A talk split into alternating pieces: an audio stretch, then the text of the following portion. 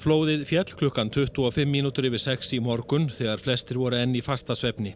Ég ranka við mér þegar það komir reyfing á mig þannig að ég er að renna niður hérna með flóðinu.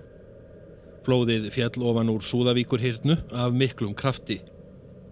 Það getur ekki grein fyrir hvað flóð geti, hvað væri mikið leiðringa mátturinn í því sko. Það er um 200 metra breytt og sennilegast nokkrir metrar á dýft. Meðal þeirra sem er saknað eru bæði fullordnir og börn. Og ég er svona rís hálfpartin upp og svo þringist að mér og verður allt svart. Aðstæður til björgunarstarfa eru afar erfiðar og hefur veðrið versnað eftir því sem á hefur liðið daginn.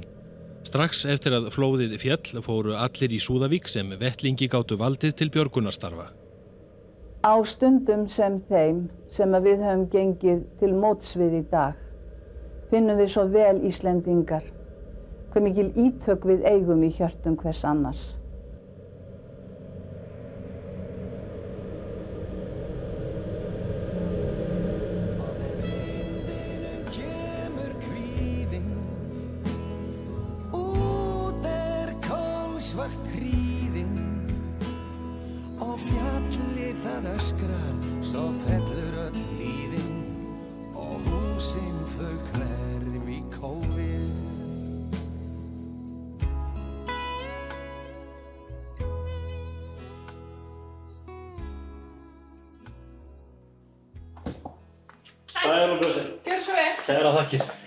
Elma Dögg Frostadóttir er fætt á sjúkrahúsinu á Ísafyrði en uppalinn í Súðavík.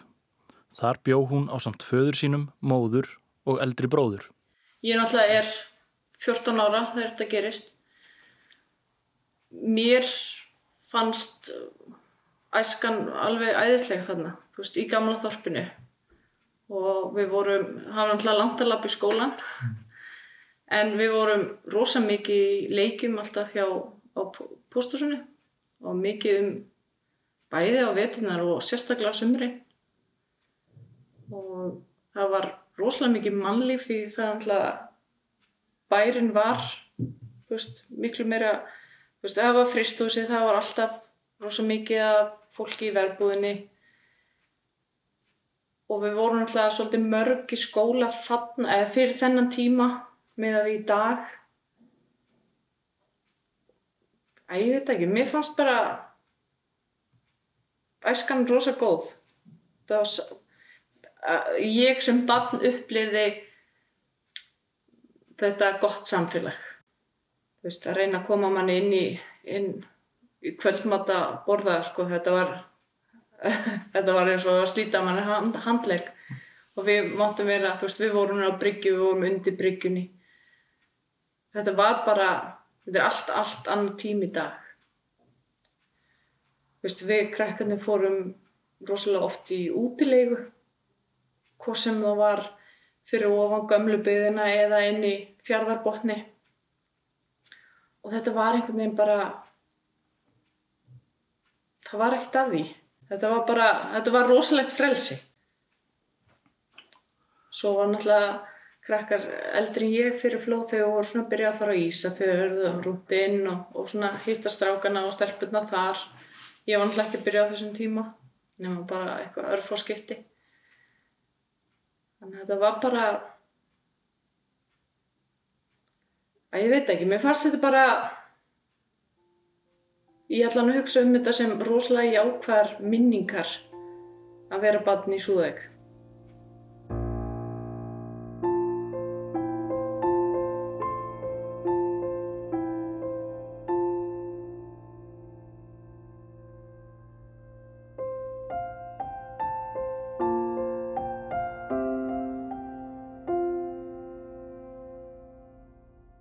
Ég flytt frá Pólandi hingað uh, 90 og, uh, 93 og ég var mynda að tala um þetta bara í morgun. Uh, það var svo skrítið að ég kem frá Pólandi þar sem er bara mikið flatlendi, skóar og, og, og þannig og kem bara beint inn í vestu sko Alpana. Þannig að maður fyrir úr sko 0 upp í 700 metra hæð og allt þetta. Þannig að það var mjög áhugavert. Tómas Þór Verusson naut sín á nýjum slóðum og bjó í Súðavík á samt móður sinni og mæðgum sem voru vinafólk fjölskyldunar. Tíminn uh, fyrir vestan var bara geggjaður, hann var bara frábær. Gaman að alveg stanna upp og, og uh, kynast þeirri menningu.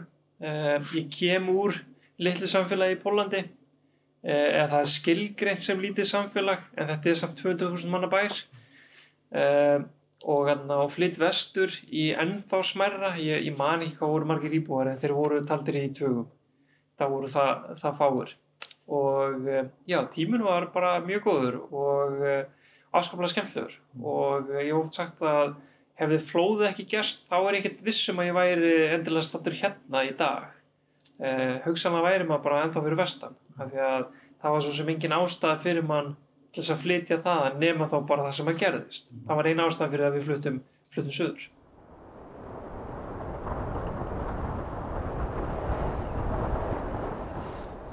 Það versnar veðrið fyrir norðan og fyrir vestan er mjög vond veður og það er áfram spáð norðan og norðvestan róki eða ofsa veðri á vestfjörðum, lengst af með snjókomu og skafreiningi og vestfjörðum og við breyðafjörðin verður norðan stormur eða rók með snjókomu í dag. Það er 27. janúar árið 2021 og ég er á leiðminni að taka viðtal við Önund Jónsson fyrirverandi yfirlauglu þjón hjá lauruglunni á Ísafyrði. Hádegisfrettinar á rúf eru lesnar upp í útvarpinu og óma í bílnum mínum. Óvissustig vegna snjóflóðahættu er enni gildi á norðanverðum Vestfjörðum, Norðurlandi og Austfjörðum. Rúmlega hundra snjóflóð hafa fallið á landinu síðustu daga. Snjóflóðsérfrængur varar við ferðum til fjalla. Þó dreigið hafi úr ofankomu á landinu er enn óvissustig vegna snjóflóðahættu í þremur landslutum. Önundur Jónsson starfaði sem yfirlaurglu þjóttn á Ísafyrði í rúm 20 ár. Laugardaginn 14. janúar árið 1995 átti hann bókað flug til Ísafjörðar frá Reykjavík. Hann hafði farið með flugvel frá Reykjavík til Ísafjörðar daginn áður en hún þurfti hins vegar að snúa aftur til Reykjavíkur í Ísafjörðardjúpi vegna veðurs. Við fórum vestur í djúb og sveimiðum þurft lengi þar sko en það var alltaf svarta bylur inn í, djúb, inn í hérna skuldsverðum þannig við erum að snúa við. Og þá voru ekki komnir, þá voru komnir þessi hérna símbóðar. Já. En ég vissi það sko að, að það var séns að fara út á völl og ég vissi ekki hvernig veðri væri. Þannig að ég fóð bara strax út á völl, bara upp á átta á morgunni. Þannig að ég hef búin að tekka mig inn í, ég vissi að fara tvær velar, ég hef búin að tekka mig inn í fyrir velina. Og svo var, var ég farið á stað bara á tilsettum tíma og þegar ég komið í djúpið þá tilkynir flugstöru nokkuð það að það sé lokaðin í, í bara inn í skuldsjörn, það sé þygt ég í skuldsjörnum. Svo svo hann fóð á svaka flottan sætsýningtúr yfir á strandir og með þess að kemtilegast að viða var það sko að hann flög út djúbuvíkina fór út að hafa og snýri við og það lof okkur sem sátum hinum við henni vel að sjá líka. Svo tilkynna var alveg fæst og við fyrum inn og lendum. Og þegar við erum að lenda þá sjáum við sko, við sáum annar jél vera að koma vissum á annari vél sem var á leiðinni. En svo gerir bara kemur jélið inn í fjörðaminni og um, hinn snýri við og þessi rétt komast sko hann gæti komast að því jéli væri ekki komið innanlega, hann var ekki komið inn á Eyri en búin að loka alveg út Ardanesi mm og eftir það sást bara ekki nokkuð skapaður hlutur. Algjör blinda var alveg hreint fram á 50 dag Frá því að það vart lettur að ná og... Já, frá sko því það var lögatarsmólni sem ég lendi. Já. og eftir það er bara látlaus stórhrið og stórhriðin og ofankoma var svo mikil að ég bjó á Silvutorginu og sá út á Silvutorgið og þá var prófessorinn þar ennþá levandi, staurinn sem stóða með torginu og var með átta perur. Hann sviblaðist til bara svo pendul, öfu pendul og svo kerðu jeppar sem menn voru jeppin sem gotur hliftu og kert á gotunum og snjórin hlóð svo upp að þegar það var að fara að móka þá var svona 1.20 snjó dýftir á gotunni sem var bara þjappaði snjó og hverski síðan þetta kíkja út á gluggan þá þurfti ég alltaf að fara með sleif eða með lítinn svona húst til þess að sópa gluggunum því þeir lókuðist algjörlega af hríðinu.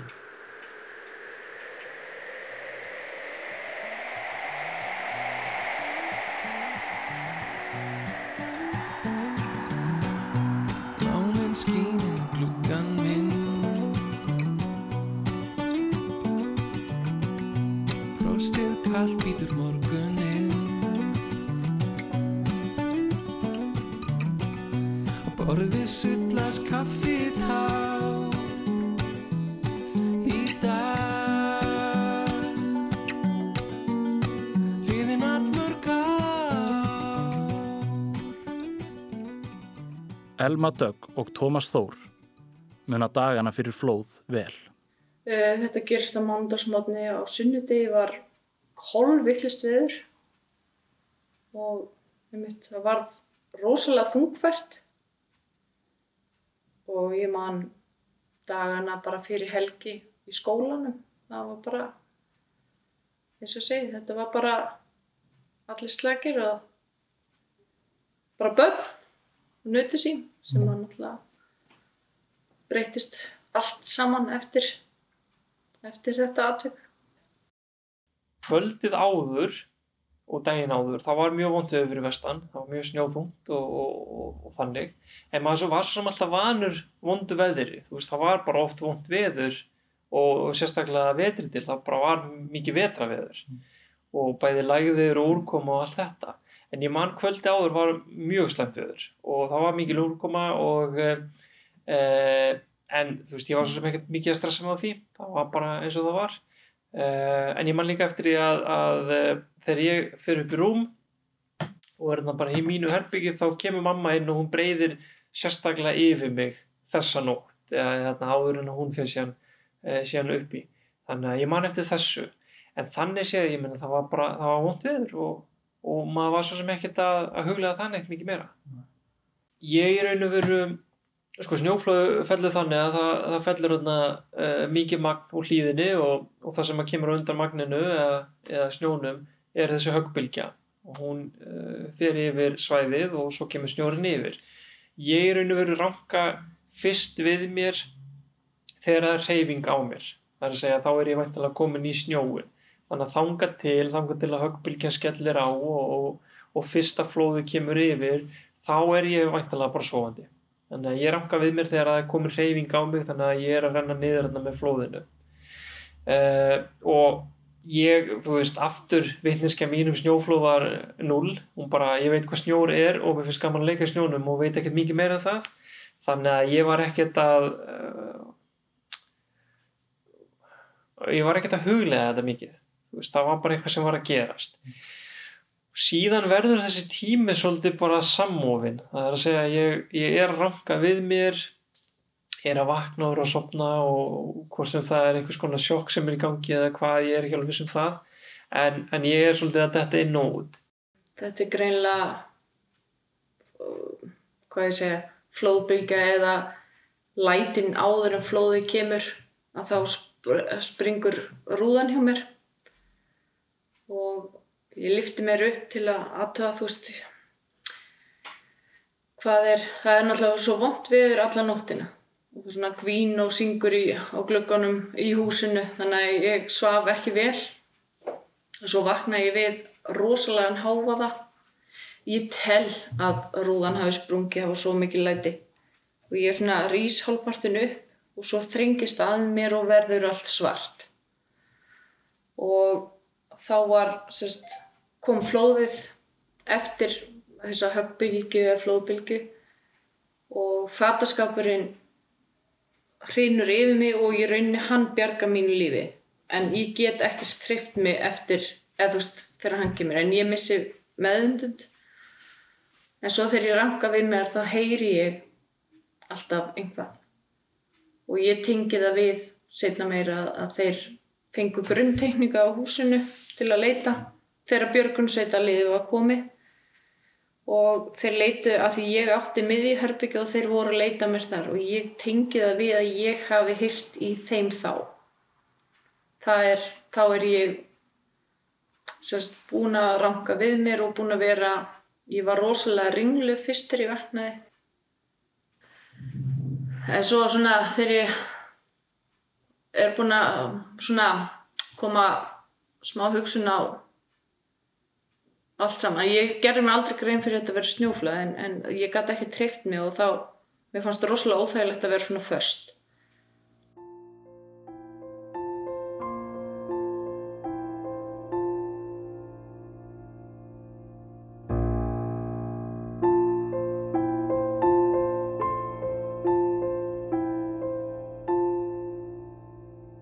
Aðfaranótt mánudagsins 16. janúar árið 1995 fekk Önundur Jónsson, yfirlaurglu þjóttn á Ísafyrði, tilkynningu um að snjóflóð hefði fallið á byggðina í Súðavík. Þetta er síðan aðfaranótt mánudagsins sem að Grímur Grímsson sem var stjórið þá ringir í mig og segir mér að það fallið snjóflóð á byggðina í Súðavík. Það verið að koma kall. Þannig ég tek, tek mig til og hlætti mig allt á lítið. Bara skveraði verið í búsöðunar og í úrpuna og hú og vellinga og, og áspæriskona. Svo þegar ég kom út þá blasti bara við mér sko, bara nýr heimar. Það var svo miklu skablar sko að ég sá það að skablin sem var ofan við stjórnstýrluhúsið, hann var það stóri, ég kemist ekki yfir hann. En skablin sem var hérna út frá við hótelsins og stjórnstýrluhúsins, að hann var svo saman barinn, ég fann það sem hann held mér. Þannig ég skreið upp á hann til að komast yfir hann. Og svo þegar ég ætlaði að hlaupa niður sko, þá gaf skilið sig og ég sökk alveg reynd, ég fór auðvitað á kaf alveg reynd, það var dýbra heldin í ég. Það tók mér talsir að stunda að krabla mig út úr því sko, með snjó allstaðar inn á mér. Og þegar ég kom út á, út á hérna Lorgustöð, ára fyrst þessi mætni, það eru björgunarsveitamenn með hundana sína. Þá hafði einn gestur hótelsins látið sér þetta til högur að fyrir fílu og, og tilkynnta hann alltaf í höfnina og þá var strax rest út sko, lörgum var strax að stað og síðan rest úr björgunarsveit. Það gerist klokkan hálf þrjú, já, minnil tvö og þrjú og nóttina. Þannig að þeir eru orðinu döðu skefnir leitandi um allt svæðið já. að þessu manni sem setna komið ljósa hann að bara farið við göttan og fór þetta í kunningi sinna og laði sig þar. Röggvaldur Ólafsson er starfandi aðstóðar yfirlaurglu þjótt hjá almannavarnadeild ríkislauglustjóra. Röggvaldur er frá Bólungarvík og vann hjá lauruglunni á Ísafyrði á þessum tíma. Já, ég var sérst hérna um, uh, var nýkomin úr sérst fyrirlita lauruglskólans það var þá í hérna sérst tvær annir og starfsnám á milli. Það var búin að vera nokkur sögum byrja hérna 92 hérna hösti 92 var þá svona aflýsingamæður og svo sögumar aflýsingum hérna 93 og fór svo í skólan það hösti 94 þannig að höstið var semst, já, bara nýkominn aftur þegar hérna, já, þegar þetta var. Ég semst var að vinna um helgina og semst var ég að vinna fyrsta lögut og sundag var á dagvætt eða, eða semst morgunvætt var frá 7 til 7 og um, já, alltaf var ég man ekki alveg hvernig helgin var en hérna og þetta var allavega frí sem var mánda á þriðdag svo ringdi í mig bara hana, eitthvað 20 minnir yfir 6 eitthvað hálf 7 morgunin og ég beði hann að koma vinnuna og var ekkert sagt af hverju það var. Og ég bara gaf mér það að væra því að hérna einhver hefði geta mætt út á ófærð og það var allt sem búið að bóra veður hérna uh, í gangi og, og það var ekkert mjög óalgengt það er náttúrulega nokkrir sem voru einalökunni einhver á teima í Bólingavík og einhverjir öndafyrði og þannig að þetta gerist á til í öllurinn að einhver komst ekki út af færð og hann bara kallar út. Þannig ég röldi niður til og hérna alltaf, alltaf kafi snjó. Og þegar kemur stöð og ég var ekkert ekki að flýta mig ég bara mætti bara klukkan sjö sko ég var ekki að hlaupa út ég bara veist, gera það sem ég var vannar að gera og bara þannig ég mætti hérna sjö ég, svo sem ekki langur tími, hálf tími sem að hafi og þegar ég kom niður til þá svona átt að með og ég var eitthvað eitthvað í gangi.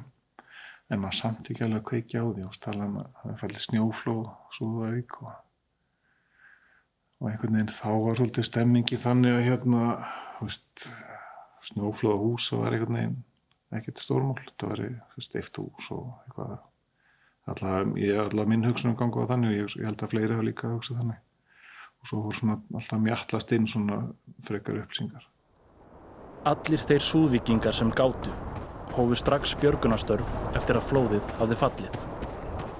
Næsta björgunarlið var staðsett á Ísafyrði í næsta fyrði við Áltafjörð þar sem Súðavík stendur. Landleiðin frá Ísafyrði var ófær og vonsku veður á svæðinu. Þá kom þetta upp skoð að það var hvernig þetta má koma mannskap inn eftir. Þá voru tógarar í höfninni. Þá var það sko þessir skipstjórar sko, þeir voru ekkit vanir og þekkti ekkit sko sjógang og siglingarleiðin í Súðavík sko þó að ef að fóki öll skjólvar hefði getað treyst á það. Þannig að fyrsta sem mér dætti í hug að það var að spurja þá sem voru þarna, Grímur Grímsson og Guðmundur Fylkesson hvernig þið lítist á að ég myndi tala við Hjalta, hann væri, búin að sigla þetta sko í fleiri, fleiri ár. Og þeir voru samanlóðað með það. Og ég ringi Hjalta og vegan og spyr hann að eitthvað það treyst sinns að farin í Súavík með björgunum á farinarsuna Af hverju var hann best til þess fallin að Já, sko, þetta? Mér fannst það sko því að hann var í bara daglegum syklingum um djúb á þessum tíma og einhvern veginn hann þekkti allt sjólag, þekkti vindætti áttirnar því að eh, ég höfði átt eh, samtal við flugmann og ég var undram á því einhvern tíma þegar ég kom fljúandi vestur á hverju flaugan inn Áltafjörðin, inn að Súðavík og svo út aftur með hlýðinni og það er bara svona til þess að sína okkur. En eins að það er þú vindstrengur sem kemur yfir. Hann getur verið svo krappert að núti og þeir eru búin að, að sikta út einhver ákveðnar leiðir sko til að minka uh, óróa í lofti á flugvílunum með því að þræða fjöllin eða forðast fjöllin eftir eitthvað vindátt var. Og þá var ég með það í huga með hjálta að hann hlýta þekki alla þessa uh, dindi sem væri út í djúbunu þannig var náttúrulega þetta var norð, norðaustan átt í vindinum. Og og Hjalti svaraði með til því sko ef ekki uh, skipi liggur við Fagranesbryggjuna sem kollu var var hann innst í krikanum. Og hann segi kemst með skipið út í Sundahöfn þá trefst ég mitt að fara. Ef ég kemst fyrir hérna Suðutangan og svo resti hann alltaf sem mannskap út og ringir svo í mig sko með setna sig ég er bara klári höfni þá vorum við búin að smala saman alveg fullt af fólki og, og það er allt að bara menn fara í hersingu niður á Nýrisvöndu og borðið Farnesið og, og hann fer inn eftir. Og hann treysti sér alveg til það sko að fara bæði inn eftir og svo að taka fólk. Menn og rótni þreyttir inn í Súðavík og það voru margi sem að voru búinir að hérna lendi í flóðinu að þau bjargast koma þessu fólki öllu og aðsögum við bara að flýja húsinn að koma þessu fólki út á vísafjörði á sjúkrós og í skjól. Hjalti Hjaltason var skipstjóri á Fagranesinu, bílaferju sem sildi um Ísafjörðardjúb. Hjalti var að mati önundar best til þess fallin að koma björgunarliði sjóleiðina frá Ísafjörði til Súðavíkur í aftaka veðri. Mitt fyrsta verkefnið á morgun var að smala saman áhörninu á Fagranesinu og eins og ég náttúrulega bærin var kól ófær og hérna henni voru með dreittan jeppa svona patról á 35 tómum sem að hérna var eftir að komast ímislegt og bæðlaðist á honum hérna um allan bæ, sækja, sækja menn. Ég man bara hérna líka hvað það samt gekk vel hérna það er að segja að það var allt bólkæðisni og fasti bílar út um allt, út um allt með þess að jeppar, líka aðri stóri jeppar. Eitthvað samt komst maður alltaf hérna ég stoppa aldrei, lendi aldrei og festi með aldrei og ekki neitt sem var mjög svona óhengilegt þar sem ég bara hugsa eftir á með það ferðina sko, bílinn bara svona flyti áfærum alveg sama hvað er í gangi. Já þetta var svona fyrstu fyrstu verkefnin Það hefur þetta keira þá hefur fólk verið komið inn í svoðu sko. Hátti eða svona klukkutími eftir að kalli best en þarna þarf að fara að huga að sko að, að ræsa skipið út. Og það fyrir þess að tilröðnarsyklingu sína sko fyrir svo vinna tekur um klukkutíma. Frá því að við, sko, þetta er nú skráðins tímasetningum að frá því að ég ringi hjálta og tala við hann þá kannski hjálti ringir í okkur. Og síðan komum mannskapnum borð En það var, við vorum búin að smala mannskapnum saman bæði á lörgustöðinu og þó mest á slökkustöðinu.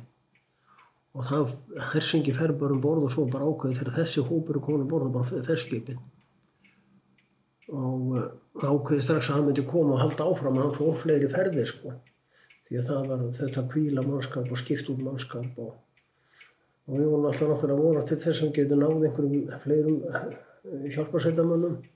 En það var náttúrulega komið þarna fullt af bara almennum borgunum sem voru ekki í hjálparsveitunum sem fóru inn eftir að leita. Það voru allir tilbúinir að fara. Og þetta var svona hlutverk þeirra sem stjórnum út á, í almanna, hjá, út á slöppistöða að það var að velja menn úr sem þristið sér að fara. Það var náttúrulega því þetta getur að senda fullori fólk sem vildi fara og mókan hafði kannski ekki alveg þrekt til þess aldursinsvegna eitthvað svo leiði sko. Mm -hmm. Þannig að þetta, þetta aðeins að sortera það.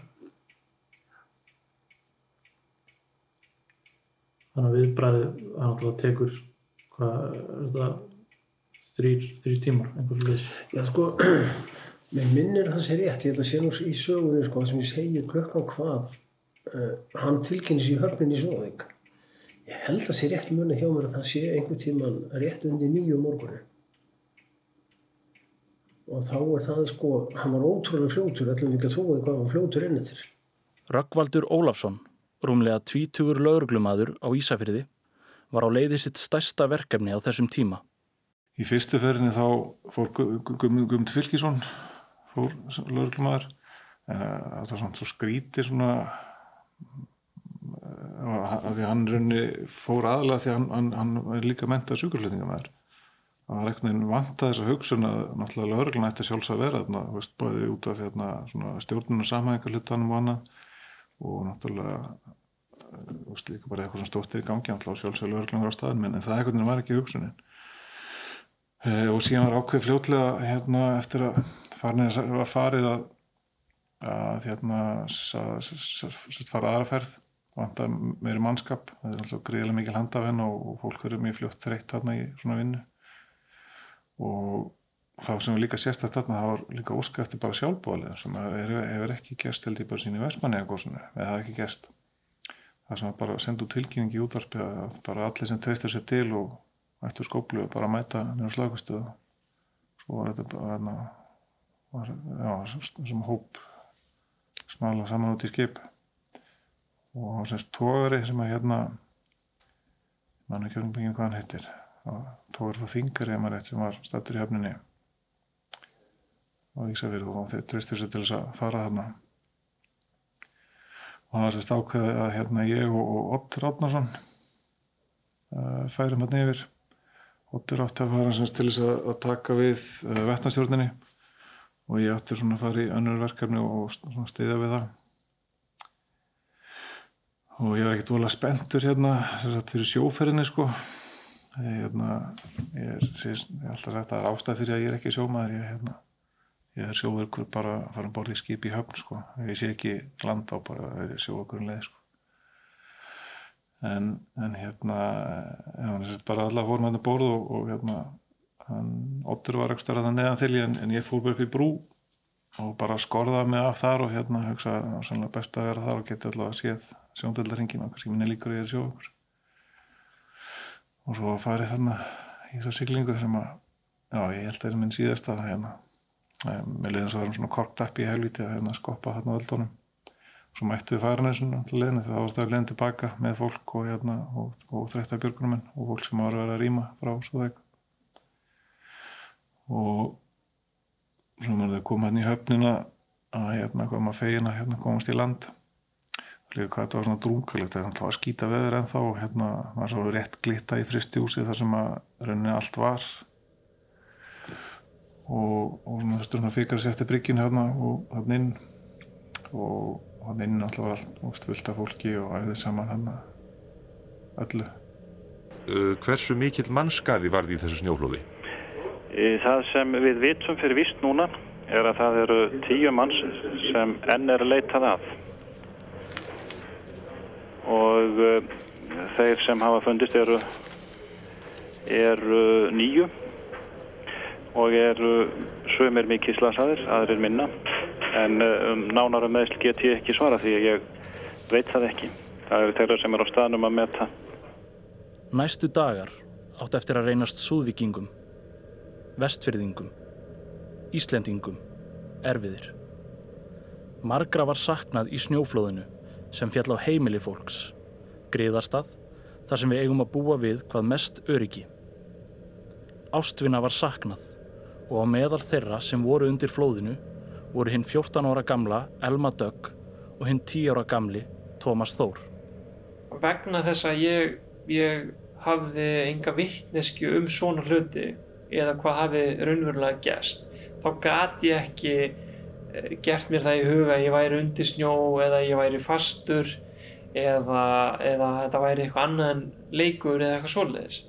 Ég var alltaf að býða, af því ég gerði mér aldrei grein fyrir þetta að vera snjóflöð. Ég, hérna, bróður minn svaf hjá kærastunum sinni í öðru húsi. Ég var alltaf að býða eftir hann kemi heim fyrir klukkan 8 til að fara í vinnu og skipta um föð. Svo hann geti hringt í föðbróður minn sem var í björgunsettinu og þeir geti tekið að mér fataskapin. En ég veit ekki af hverju ég vissi með fataskapin. En þetta var hún svolítið laung byggð. Og alveg í, í restina þá kallaði ég á mömmu á öllum mínum sál og lífs og kröftum.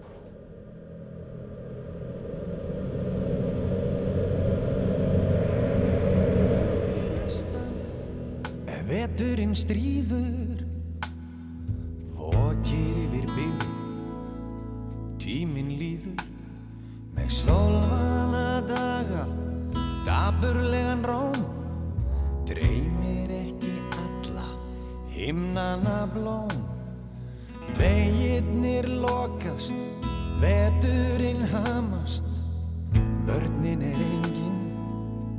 Þorpið lamast Menn horf upp í hlýðina, sjá ekki neitt.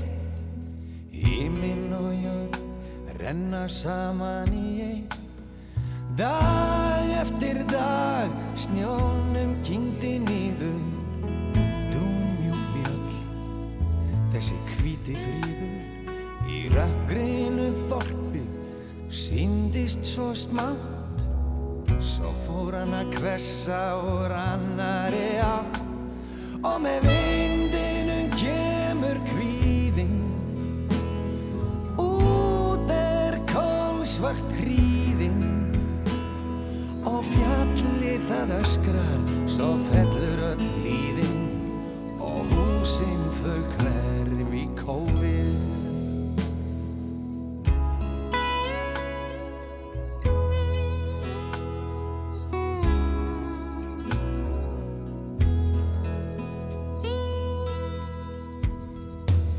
Eitt andartak stóð tíminn kyrr Ætti síðan innum glugga og dyr.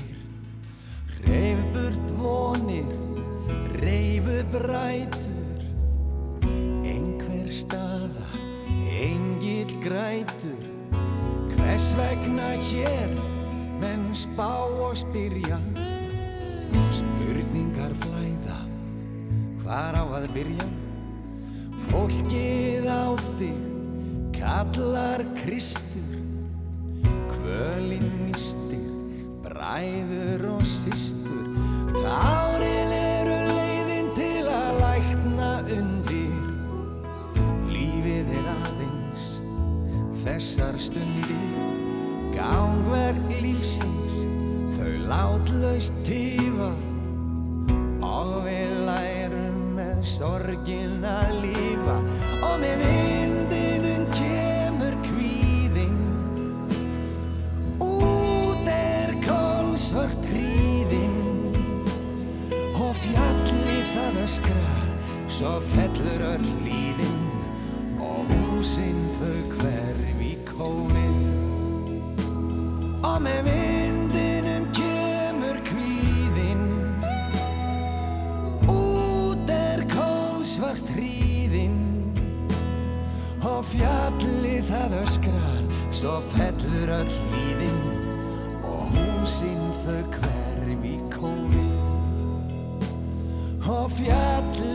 öskrar Svo fellur öll líðinn Og húsinn þau hverf í kófið